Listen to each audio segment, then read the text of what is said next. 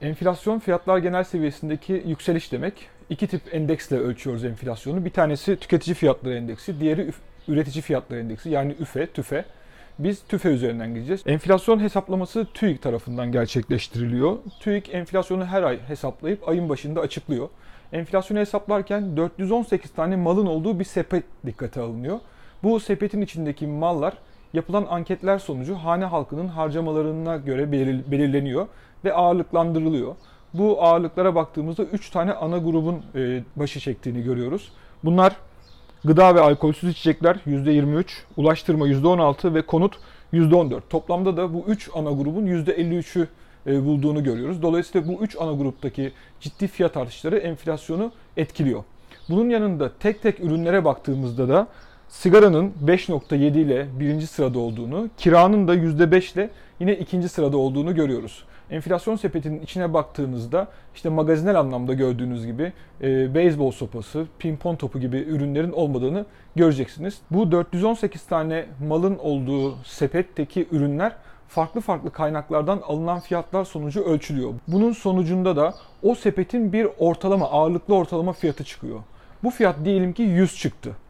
Eğer bir sonraki ay ölçtüğümüzde o sepetin fiyatı 101 lira çıkarsa o zaman biz diyoruz ki aylık enflasyon ülkede %1. Bir sene sonra aynı sepetin fiyatı benzer yerlerden yapılan ölçümlerle 112 çıktığını varsayalım. O zaman bir önceki yılın aynı ayıyla kıyaslıyoruz ve diyoruz ki o yıl ülkedeki enflasyon %12. Ülkemizde enflasyonla mücadeleyle görevli kurum Türkiye Cumhuriyet Merkez Bankası.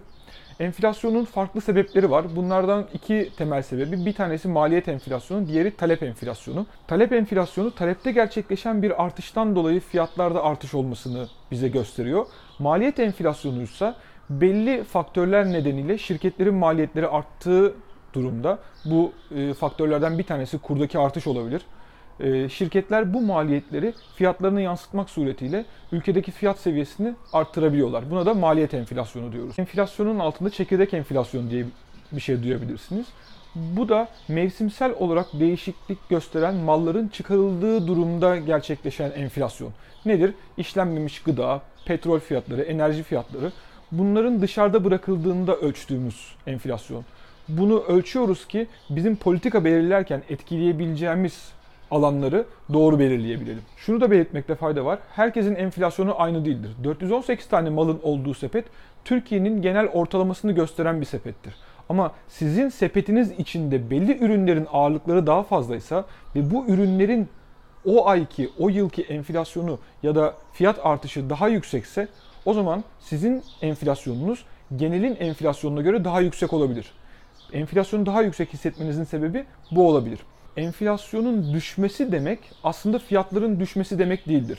Enflasyonda düşüş yaşandığı TÜİK tarafından açıklandığında vatandaşın genelde tepkisi fiyatlar artıyor. Neden enflasyon düştü şeklinde bir açıklama yapıldı oluyor. Bu ise yanlış bir algı. Çünkü enflasyonun düşmesi demek fiyatlar yine artıyor ama düşen hızlarla artıyor demek. Yani enflasyon %12'den %10'a düştüyse aslında geçen ay bir önceki yılın aynı ayına göre fiyatlar %12 artmış. Bu aysa bir önceki yılın aynı ayına göre fiyatlar %10 artmış demektir. Dolayısıyla aslında yine fiyatlarda bir artış olduğunu görüyoruz. Biz enflasyondaki bu düşüş sürecine dezenflasyon diyoruz.